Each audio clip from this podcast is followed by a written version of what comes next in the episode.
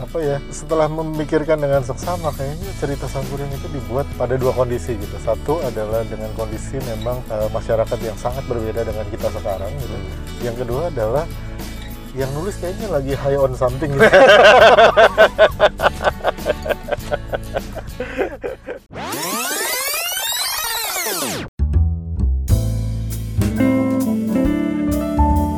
Saya Irfan Kartawirya Saya Harnas, dan ini adalah Random Jumat.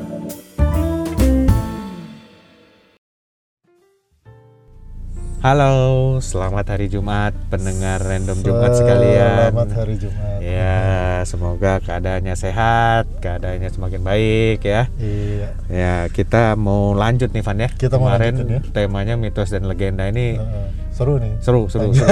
Jadi gimana Van terakhir? Kita lanjutin obrolan kita. Siap. Kita lanjutin di random Jumat kali ini tentang mitos dan legenda. Hmm. Iya, emang emang legenda besar tapi terus ada ada serpihan-serpihan cerita yang Iya. itu ya.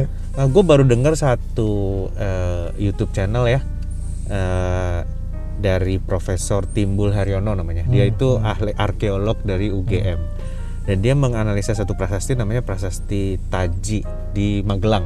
Oke. Ada beberapa prasasti gitu. Itu untuk peresmian Sima. Sima itu tanah swatantra katanya. Jadi Hmm. di di tahun 900-an itu eh, raja tuh menetapkan satu tanah yang bebas pajak Oh, oke. namanya swatantra. Jadi kawasan berikat. Iya, kawasan berikat. Kalau zaman modernnya kawasan berikat bebas pajak. Jadi apa yang ditanam di situ atau diusahakan di situ tuh harus buat bersama gitu. Hmm. Ya. Nah, untuk meresmikan itu ada upacaranya khusus. Hmm. Nah, dia mecahin telur, dia motong leher ayam dan dia menaburkan abu katanya. Artinya yang ganggu tanah itu seperti telur hancur, seperti ayam dipotong lehernya atau seperti abu di- disebar, berarti hilang kan habis. Nah, dari list habis itu Hmm. dia pesta tuh Oke. terus dia dia catat di prasasti itu beras sekian kilo Hmm. apa dan sebagainya kan makanannya apa dendeng dan sebagainya salah satu yang disebut dalam rangkaian itu adalah lalap Oke. di Jawa loh Hahaha. itu di Jawa loh Iya, bukan iya, bukan di iya. di, di Iya. Magelang gitu kan berarti eh, tahun 900 Masehi gitu Hmm. setahu gue tadinya paling tua tuh Serat Sentini ternyata ada yang lebih tua lagi ya Iya, itu si iya. prasasti ini so far prasasti itu jadi tahun 900 tuh kita udah makan beras Hmm. karena di situ disebut ada beras ada sega sego ada sekul Hmm. ada tiga kata gitu yang satu beras itu artinya belum dimasak yang satu sega nasi Hmm. yang satu sekul itu kalau ditumpeng Oh, oke. di apa di, pokoknya diolah nasinya Hmm. digoreng apa jadi sekul gitu nah itu eh, lalap itu udah di situ kan Hmm. 900 eh, masehi ya tahun Iya, 900 iya. masehi itu tuh setahu gua ya Hmm. itu yang tertua lah catatan makanan yang kita punya gitu Hmm. dan lalapnya udah ada di situ Iya. Nah bedanya kan kalau itu sejarah kan. Nah, Iya, kalau betul. legenda kan hitungannya ribuan Iya, tapi- tahun yang lalu gitu. nggak semua legenda itu betul tapi dari legenda ada ada ada bits Ada of pieces yang bits kita bisa pieces, ya. buat cara apa analisanya gitu ya Hmm. Hmm. ya menarik juga gitu Ya eh, legenda apa kayak kayak tangkuban perahu gitu itu kan sebenarnya menjelaskan sebuah peristiwa geologis gitu ya. Yang Hmm. artinya kalau kita ngomong peristiwa geologis itu kan skalanya bukan ribuan tahun tapi jutaan tahun gitu. Iya. Nah, Gunung Tangkuban Perahu itu ya mungkin sudah ada sudah berdiri di situ sejak jutaan tahun yang lalu gitu. iya iya Eh, cekungan Bandung dan lain-lain. Mungkin teman-teman yang geologis beneran bisa bisa bisa cerita seberapa Hmm. tua sih sebenarnya eh, cekungan Bandung dan Gunung Tangkuban Perahu. Bahkan sebelum ada manusia di situ. iya kan. mungkin Jadi- udah ya Jadi begitu orang datang terus ngelihat wah ada ini nih, gitu, ada gunung bagus bentuknya kayak gini, terus mulailah me- menghayal lah dalam tanda kutip gitu ya untuk me- membuat cerita menjelaskan kenapa itu terjadi gitu. Jadi dia lebih me- kalau menurut gua dia lebih benar yang lu bilang dia lebih menjelaskan tentang kehidupannya di Iya, saat betul, itu di saat saat itu. cerita itu muncul iya dia bukan menceritakan bener-bener si si bendanya gitu Iya, dan, dan menarik juga bahwa bahwa anaknya itu ke hutan, Hmm. terus lihat anjing diburu, Hmm, gitu kan? Sekarang kan anjing ini bukan makanan, pan, bukan iya. ya kan? Sekarang itu kita tuh ya oke lah ada lah yang makan anjing, tapi kan nggak umum Hmm. secara gitu kan? umum tidak Berarti zaman dulu anjing itu termasuk hewan yang juga dimakan gitu, ya karena dia buru, Hmm. gitu kan? Dia eh, lihat anjing langsung dia buru gitu.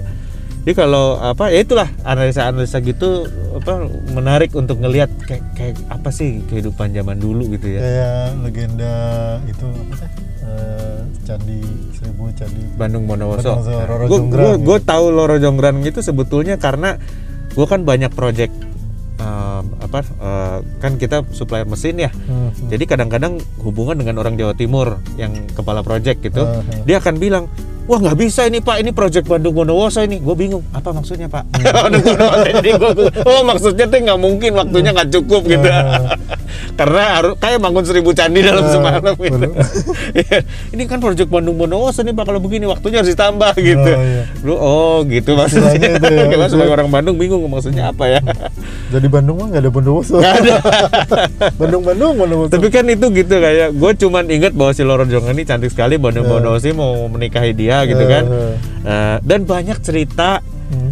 legenda Indonesia yang berasal dari seorang lelaki yang mau menikahi seorang perempuan gitu Iya. ya. Masalah banyak berasal dari situ Iya. gitu. dan masalah juga banyak terjadi ketika perempuannya kalau nggak mau bilang aja nggak mau gitu Iya betul. mau sih tapi tolong bikinin danau sama perahu gitu. mau Besok sih tapi jadi. bikinin seribu besok jadi gitu. Mungkin waktu itu eh, apa ya proses meminang ini Hmm. Mungkin jadi di bawah ancaman dia ya. Kalau bilang nggak mau langsung dibunuh mungkin. Jadi harus bilang mau dulu gitu. Baru pakai syarat. Biar elegan gitu nolaknya. Eh, karena kalau kalau tapi kalau langsung dibunuh ngapain nanya kan?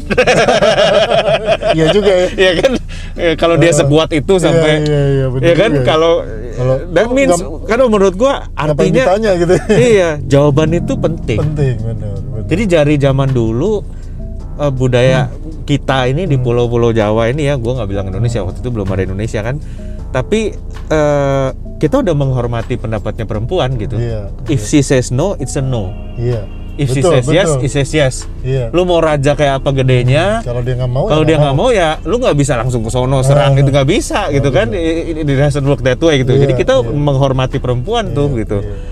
Terus akhirnya nggak jadi juga kan gitu. Meskipun bilang iya tapi gitu. Terus Iya. yang enggak yang enggak udah iya gitu. makanya. Jadi pelajarannya adalah kalau perempuan bilang ya tapi udah nggak usah nggak usah lah. Daripada kita udah capek-capek bikin 900 tahu-tahu dia keluarin oh ceritanya kan Eh. oh, udah hampir selesai ternyata candinya karena si Bandung Bondowoso ini mengerahkan armada gaib gitu kan. Eh, terus perempuannya lihat aduh gawat nih nanti gue bisa kalah nih gitu. Jadi dia eh, nyalain api kalau nggak Iya, ya nyalain api. terus dia minta ayam sus- ayamnya ngelihat api terus ayamnya Iya. berkokok Iya. gitu padahal belum pagi gitu terus si armada gaibnya pulang pulang eh, Gitu. karena dia pikir sudah pagi Iya. gitu jadi akhirnya nggak jadi juga kan kalau nggak salah ceritanya begitu jadi kalau misalnya dia udah ya tapi mendingan mundur aja dah daripada kita ketipu juga. Iya. tapi itu menunjukkan eh, power eh, kaum perempuan sih kebanyakan cerita-cerita itu tokohnya tuh perempuan Iya. yang menang gitu. Iya, ya. menang dalam tanda kutip dalam ya. tanda kutip lah ya. Ah, artinya dia she gets what she wants Ah, gitu kan. Walaupun co- cowoknya hebat bisa Ah, bangun candi ah. tapi tetap aja dia kalah Iya. gitu kan. Yang yang menang ya perempuannya akhirnya kesel dan sebagainya kan. Eh, apa namanya itu satu satu ini juga satu apa kita bisa nebak sifat ininya. Itu sebabnya legenda-legenda kayak Yunani gitu-gitu ya. Orang tetap pelajari kan jadi jadi ilmu pengetahuan gitu. hmm. karena itunya yang dicari gitu. Iya. Jadi sifat bangsanya ini seperti apa sih gitu? Hmm. dan kalau lu eh, cerita, gue pernah baca di National Geographic ya, eh, dia menganalisa cerita itu. Eh, dia bisa cerita dari dia ngumpulin semua cerita dari seluruh dunia, terus dia bisa cerita, dia bisa cari mana yang paling tua. Oh. Gitu. Iya. Mana yang paling tua, mana yang paling eh, akarnya cerita-cerita ini dari mana sih gitu. Itu bisa Iya, karena dianalisa kan? legenda-legenda itu eh, mereka saling menulari sih sebetulnya Iya. Artinya kayak ini tuh ada rootsnya lah ada ada akarnya dari cerita ini ini ada akarnya dari cerita yang ini ini cerita yang ini Eh, terus dari cerita maksudnya kayak tadi gitu cerita Gunung Bondowoso gitu terus ada cerita Sangkuriang yang juga sama gitu kan menjelang pagi terus apa mukul lesung dan lain-lain Iya. sehingga, eh, ayamnya juga berkokok Iya. dan lain-lain gitu itu kan ada ada ada kesamaan garis cerita lah gitu Iya betul. jadi bener juga sih mungkin bisa di trace juga jangan-jangan misalnya nih kalau kita bilang misalnya di India gitu kan eh, banyak cerita-cerita kita ini kan di diturunkan katanya kalau nggak dari Persia dari India gitu. Iya. jangan-jangan di India tuh ada cerita perempuan yang mau dinikahi terus diberi syarat terus nggak jadi itu tuh ada juga jangan-jangan Iya, di iya, India iya. tuh. yang apa cerita yang kayak gitu yang mungkin dewi-dewi apalah gitu yang ya dari zaman sebelum sebelum cerita Bandung Bondowoso atau cerita Sakuryang itu muncul gitu di di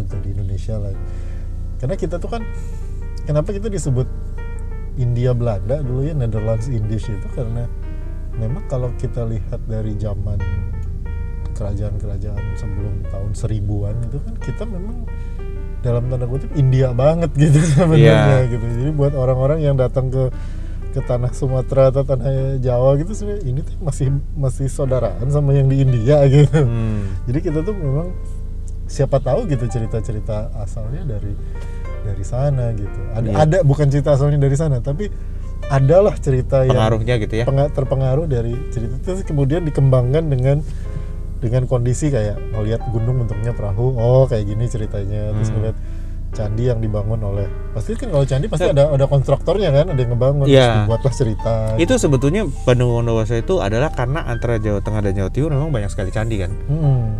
Eh, terus di Se- Semarang itu juga ada Candi Gedung Songo. Jadi candinya Iya, tuh banyak iya. di, ada gitu ya, sembilan orang itu mem- ya. menginspirasi orang untuk bikin cerita gimana Eh. caranya nih bikin candi segitu banyak gitu. Ah. Jadi eh, apa eh, dan satu satu yang yang yang kita bisa ambil dari cerita-cerita di Indonesia kebanyakan adalah eh, they honor their word gitu, Hmm, hmm. ya kan? Iya. Oke nih ayam berkokok, ya udahlah Ah. mundur. Nggak ada cerita, wah tiba-tiba pangerannya nggak terima lalu perempuannya gitu penggal gitu kan? Ah. Atau apa?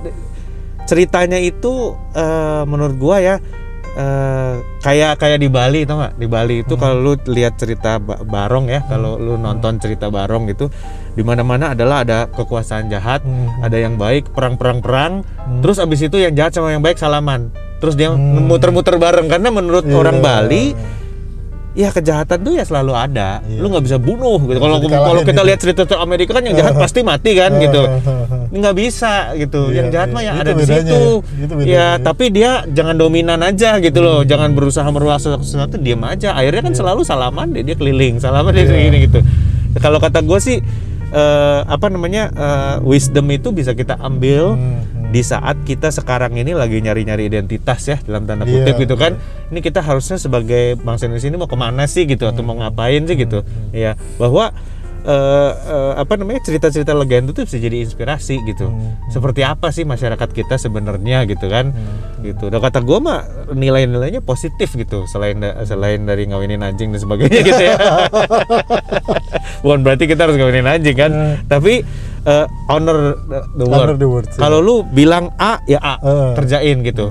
Pokoknya Kalau- yang ngambil, Ah. kalau itu naik, kalau laki-laki jadikan suami, kalau perempuan jadikan saudara, meskipun yang naik itu bukan pangeran gitu. Iya, lu you have to, ya, lu Iya, harus iya. tepatin janji gitu. Iya, Kalau menurut iya. gua sih itu dibalik dibalik itu adalah Iya. wisdomnya adalah itu gitu. Walaupun lu ditipu pakai lesung dan pakai Iya, itu ya, ya ayam berkokok jinnya pulang gagal Fair ya enough gagal, gitu ya. fair enough ya lu pulang gitu, ya kan? Dan dan apa pun yang usaha lu gitu ya, Hmm. seberapa besar pun effort lu, eh, ada aja yang bisa bikin itu gagal. Iya. itu satu, ya kan? Iya benar. kadang-kadang kalau kalau kalau gue ngobrol sama orang luar negeri gitu ya dia nggak ngerti gitu ya tapi menurut gue gini kita ini tinggal di pulau-pulau yang di tengahnya semua ada gunung berapi gitu Benar. anything can happen Hmm, lu mau bikin plan orang Indonesia mau nggak ada planning gini-gini Hmm. eh, ntar dulu lu coba tinggal di sini gempa aja Hmm. 6 skala Richter aja hancur semua rencana lu gitu Iya, iya, emang bener. pasti besok nggak bakal ada gempa ya nggak Iya, tahu dah itu tahu. gunung agungnya kelihatan kan gitu kan beda dengan kalau gue ngelihat eh, kayak kayak Eropa gitu itu tanah yang stabil gitu Iya. bertahun-tahun begitu Ya, terus lu kita ke plan sana ya begitu, ya gitu begitu iya gitu ya. begitu nggak ada nggak ada yang perubahan besar itu hampir nggak sementara di kita yang namanya perubahan besar itu setiap hari ya Ya, kan? lu effort se- segede apa pun lu mesti siap ada satu faktor yang bikin itu fail gitu. Betul, betul. Dan itu juga yang membuat kita eh, let's say kita percaya pada sesuatu yang lebih besar dari kita sekarang gitu kan. Hmm, hmm, Kadang-kadang kan orang bilang, "Ah, kamu harus rencanain semuanya dong, semuanya harus dikontrol di tangan kamu." Kamu memang bisa jamin besok gunung merapi nggak meletus. Malam ini batuk-batuk batuk besok dia meletus ayo Iya, gimana caranya kan gitu.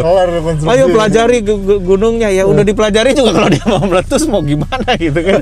Jadi ada satu apa namanya eh, kita selalu reserve satu Iya, satu iya. satu satu faktor dan Hmm. dan itu juga yang yang yang apa yang kemarin sempat dibahas ya menurut gua salah satu yang yang eh, di zaman covid ini ya Mhm.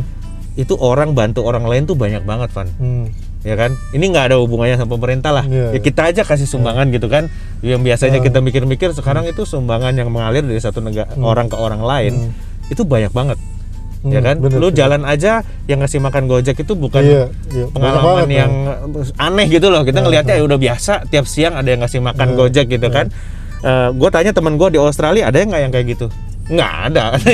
Ada juga departemen sosial datang Iya, kasih. iya. tapi kalau gue ngapain gue kasih? Nah ya kan, itu kenapa ya? Karena kita sama-sama ada di pulau yang besok kemungkinan bisa meletus. Gitu. bener, terus kalau ada apa-apa bagaimana? Ya kita saling bantu lah Iya. Nah, mau gimana lagi gitu? Nah wisdom seperti ini kata gue kurang dibahas. Indonesia itu suka kelihatannya jeleknya doang kan gitu kan. Hmm. padahal eh, ya wisdom itu datang dari society kita Iya. yang yang bertahun-tahun hidup di tanah ini punya apa? kita kita menggunakan standar yang bukan yang yang bukan selalu eh, sesuai dengan kondisi lingkungan kita gitu ya Betul. bilang kan ada satu eh, ada satu komedian yang bilang komedian American atau European saya nggak tahu ya Eh, eh, lupa gue dia tuh bilang gitu katanya we don't do charity So, charity itu menunjukkan kegagalan pemerintah mengelola pajak. Ah Nah, betul. bilang, di sono iya iya di sini di sini belum enggak. tentu di sini belum tentu di sini belum di tentu sini belum tentu gitu ya karena ya mungkin ya kayak lo bilang itu Iya, jadi ada- budaya tanahnya itu berbeda. Gue sebut budaya tanah karena budaya Iya. dipengaruhi sama tanahnya tanahnya, kan. oh. Jadi budayanya itu beda karena ya ya tanah kita begini gitu. Subur subur, tapi setiap saat bisa meletus gitu kan. Kalau ngomong subur subur gitu Oh, kan. oh, oh. Gitu terus dan, dan di legenda-legenda itu eh, apa namanya jadi jadi sumber gitu kan bahwa nenek moyang kita tuh punya punya apa sifat-sifat yang yang kita Hmm. sekarang tetap ada di dalam masyarakat kita gitu.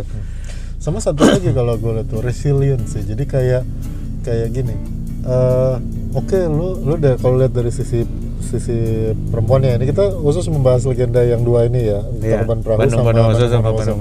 kalau lihat dari sisi perempuannya ya ini lu resilience gitu? Iya. ya oke lu terdesak. Lu nggak bisa bilang enggak ya oke bilang iya. Kasih syarat begitu syaratnya udah wah syaratnya kayaknya cukup berat nih gitu. Ternyata pihak lawan ngasih apa pakai kekuatan gaib gitu. Pakai Iya. kekuatan yang di luar ini. Terus dia mikir gimana cara ngalahinnya? Lu nggak bisa nyerah gitu. Iya, lu betul. tetap harus usahain sesuatu ya buat buat buat orang yang ada di sisi yang berlawanan dengan lu lu akan disebut curang Hmm. ah lu curang. Ini kan belum matahari eh, ayam berkokok segala macam. Yang dari sisi di sini juga bilang kalau juga curang kenapa pakai jin? Itu sebutnya apa? Fair and square Fair- gitu ya. square. bukan lu jahat enggak. Lu enggak nipu atau ya tapi ya memang trik aja. Gitu jadi ya kali ya, ya lu mesti resilience juga bahwa dalam keadaan terdesak bagaimanapun gitu lu masih memutar otak supaya dapat yang lu mau iya supaya gitu. dapat lo yang mau betul bukan bukan licik gitu bukan yang tadi lo bilang bukan bukan tricky tricky Iya. dalam konteks curang gitu bukan dalam konteks eh, ya, yang yang menipu atau mem- me- tidak fair gitu enggak Iya. ya ya udah ini kan lagi bersaing lagi bertanding Iya. gitu ya ya lu pakai cara itu gue pakai cara ini iya betul betul betul Nah, itu lain kalau misalnya triknya misalnya eh, pada saat sang kuryang menggali danau terus sama Dayak Sumi ditimbun lagi. Gitu. itu curang gitu. Itu curang betul. Atau atau sangguriangnya diikat gitu eh, kan? itu candinya, nggak ada. Candinya jadi satu diruntuhin. Gitu. iya.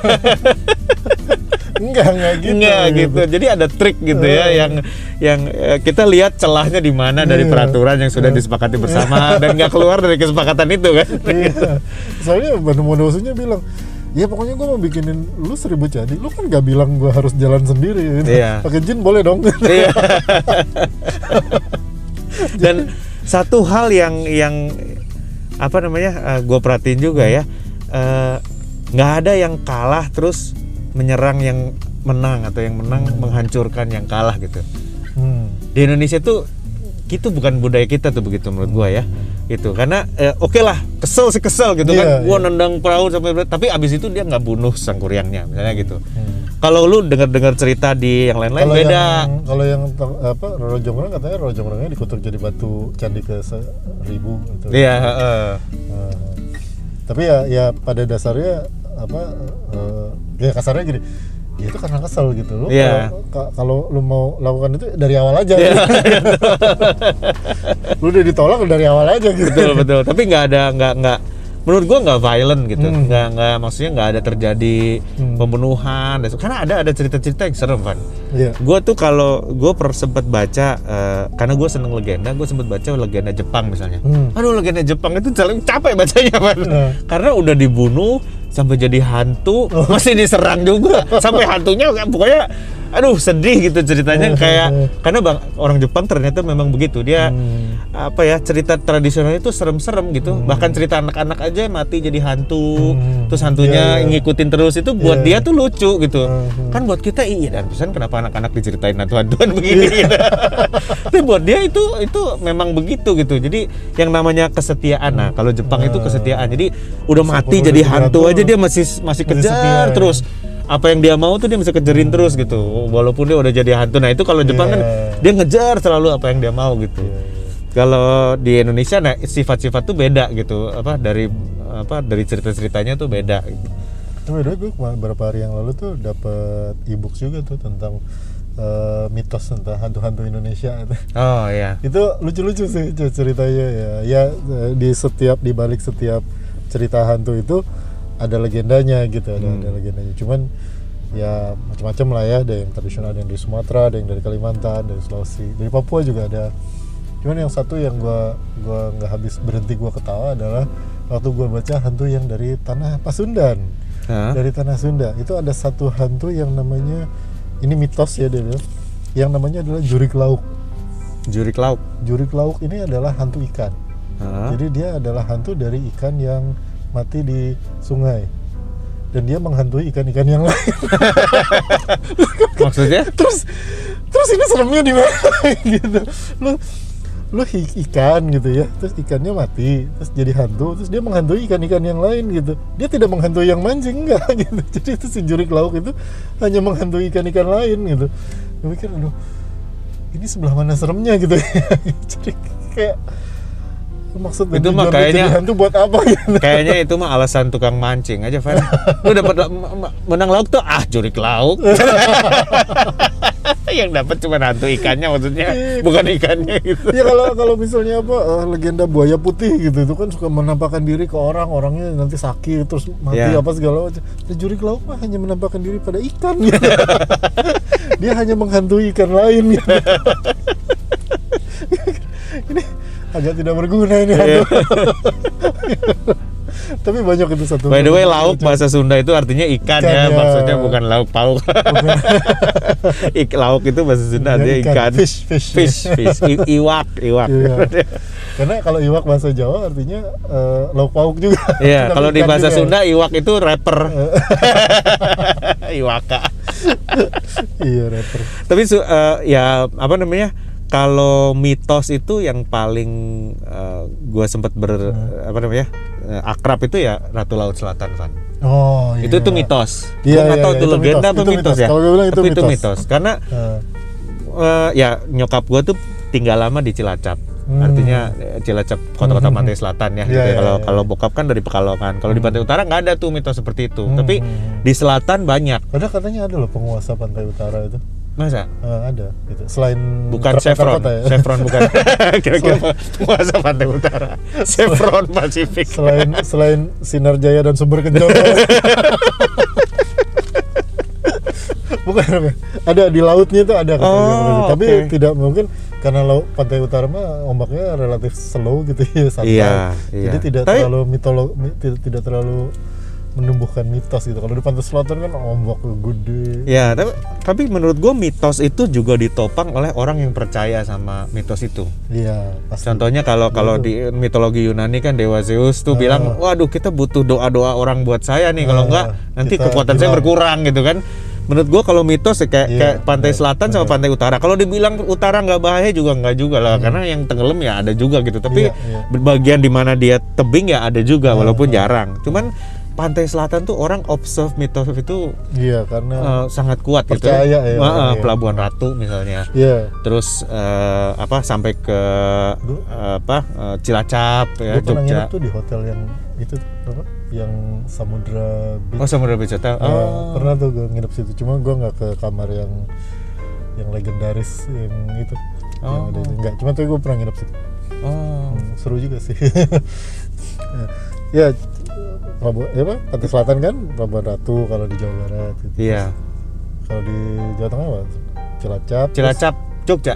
Jogja ya? Jogja kan ada pantai oh selatan. iya iya dan karena apa apa eh, pendiri keraton Jogja atau apa Hmm. dulu siapa namanya akan ada perjanjian sama Ratu Selatan terus dalam keraton juga ada satu bagian yang di, di- ditujukan untuk Ratu Laut Selatan gitu. Hmm, hmm. tapi mitos itu di Cilacap itu kuat kan yang namanya orang kesurupan tuh buat dia udah biasa gitu.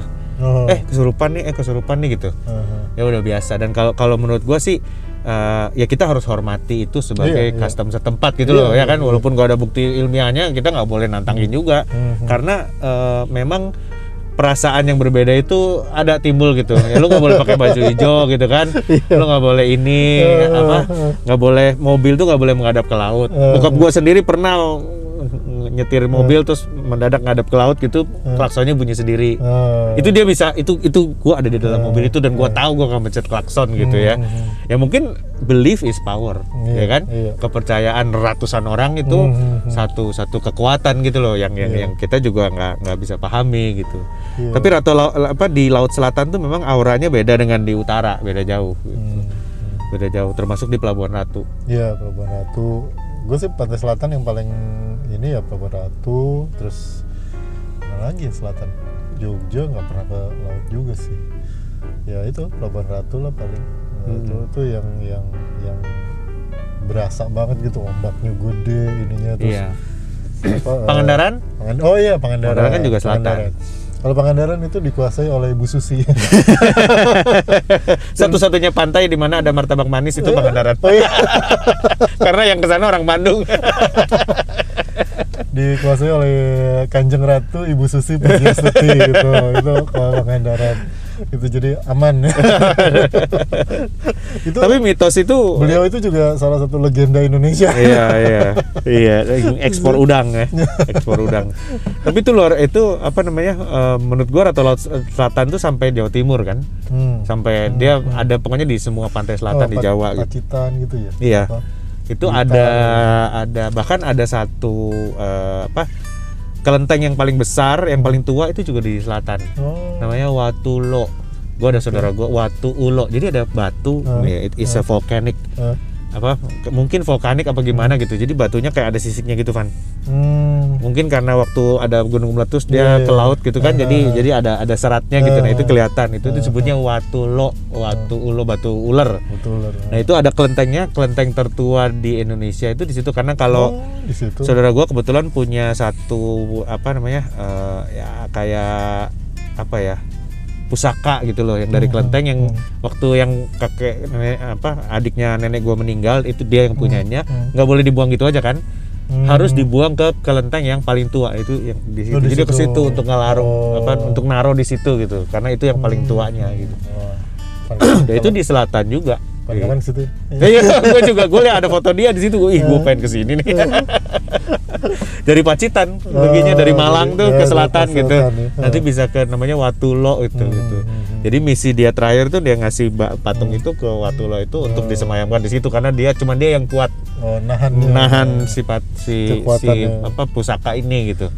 Oke. Gitu. Jadi ya itu pantai selatan, Pan. Nggak tahu gimana mitos itu dipercaya sama semua orang kan gitu. Hmm, hmm, hmm. Yang tinggal di selatan gitu. Iya. Nggak tahu Tangerang Selatan apakah ada. Tangerang Selatan ada penguasanya juga Ada. sih. Nah, dan sampai tahun ini masih eh, Kanjeng Putri juga. Ratu tahu juga. Nggak tahu berikutnya. Cuman ratunya bukan gelar tapi namanya memang memang Ibu Ratu namanya. Eh, Wah, oke Panjang kalau gitu banyak juga iya, tapi mitos dan legenda itu memang nggak habis-habis diomongin Pan. Iya. Ini kita belum kita belum ngomongin mitos dan legenda yang dari Sumatera, yang dari Kalimantan, yang Iya. dari mana, dari Jawa aja kita baru ngomongin dua gitu, tiga sama sama eh, Kanjeng Ratu Laut Selatan tadi. itu Iya, ya. Sebenarnya dua Jawa sama Sunda, tapi kalau Iya. kalau istri gue yang orang Jambi itu semua Jawa lah sama. Beda tahu gue bilang sama. Beda. Bilang. Oh kita tadi juga ngebahas tentang eh, mitos yang ada di Jakarta Fit. Iya, Jadi betul. eh, Jakarta, Jawa dan Sunda gitu. Yang Hmm. kalau menurut eh, kita itu juga adalah tiga wilayah yang berbeda. tapi kalau kata orang Palembang ah sama lah, Jawa aja orang Jawa katanya. Dari Jakarta nggak pulang ke Jawa. Dari Bandung juga gitu nggak pulang ke Jawa. Gitu. Ya meskipun tahun ini kita nggak bisa pulang ya. Iya, paling enggak mitos dan legendanya kita bisa ceritain Iya, gitu. jangan lupa cerita-ceritain ke anak, ponakan. Gak apa-apa buat seru-seruan aja gitu Iya. ya. Dicerita-ceritain seingetnya gitu. Eh, kalau lagi di Bandung saya lihat tangkuban perahu terus ceritain karena bisa jadi adik-adik yang SMP sekarang ya, SD gitu nggak tahu ceritanya gitu. Iya, Jadi betul. ceritain aja gitu. Kalau ditanya, emang itu beneran om kayak gitu? Ya enggak kan ceritanya Iya. gitu. Jadi paling nggak diceritakan lah supaya cerita itu nggak hilang gitu. Iya, dan coba saudara-saudara dibikin film. Kalau enggak anak-anak taunya Thor. Kita perahu nggak tahu kalau Thor apa. Ya, jadi dua-duanya lah ya supaya dua-duanya lah, dua-duanya iya. saling tahu lah gitu. Iya. Kita tahu yang legenda asing, kita juga tahu legenda lokal gitu. Oke. Oke, Ini adalah eh, random Jumat. Mungkin abis ini random Jumat akan istirahat sebentar karena Iya. sudah memasuki masa Lebaran. ya Oh ya, selamat Lebaran untuk Selamat Lebaran. Eh, merayakan maupun yang tidak merayakan Iya. karena Lebarannya pasti dinikmati bersama. betul, betul, betul, betul. Selamat Lebaran.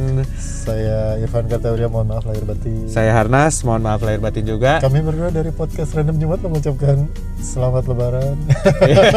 biar kayak di itu har, biar kayak di TV-TV gitu. Iya. Cuman berdua nggak ada krunya. Kami dan segenap, segenap berdua. kan genap bener jadi Iya. dua gitu ya. Kalau bertiga jadi ganjil. iya.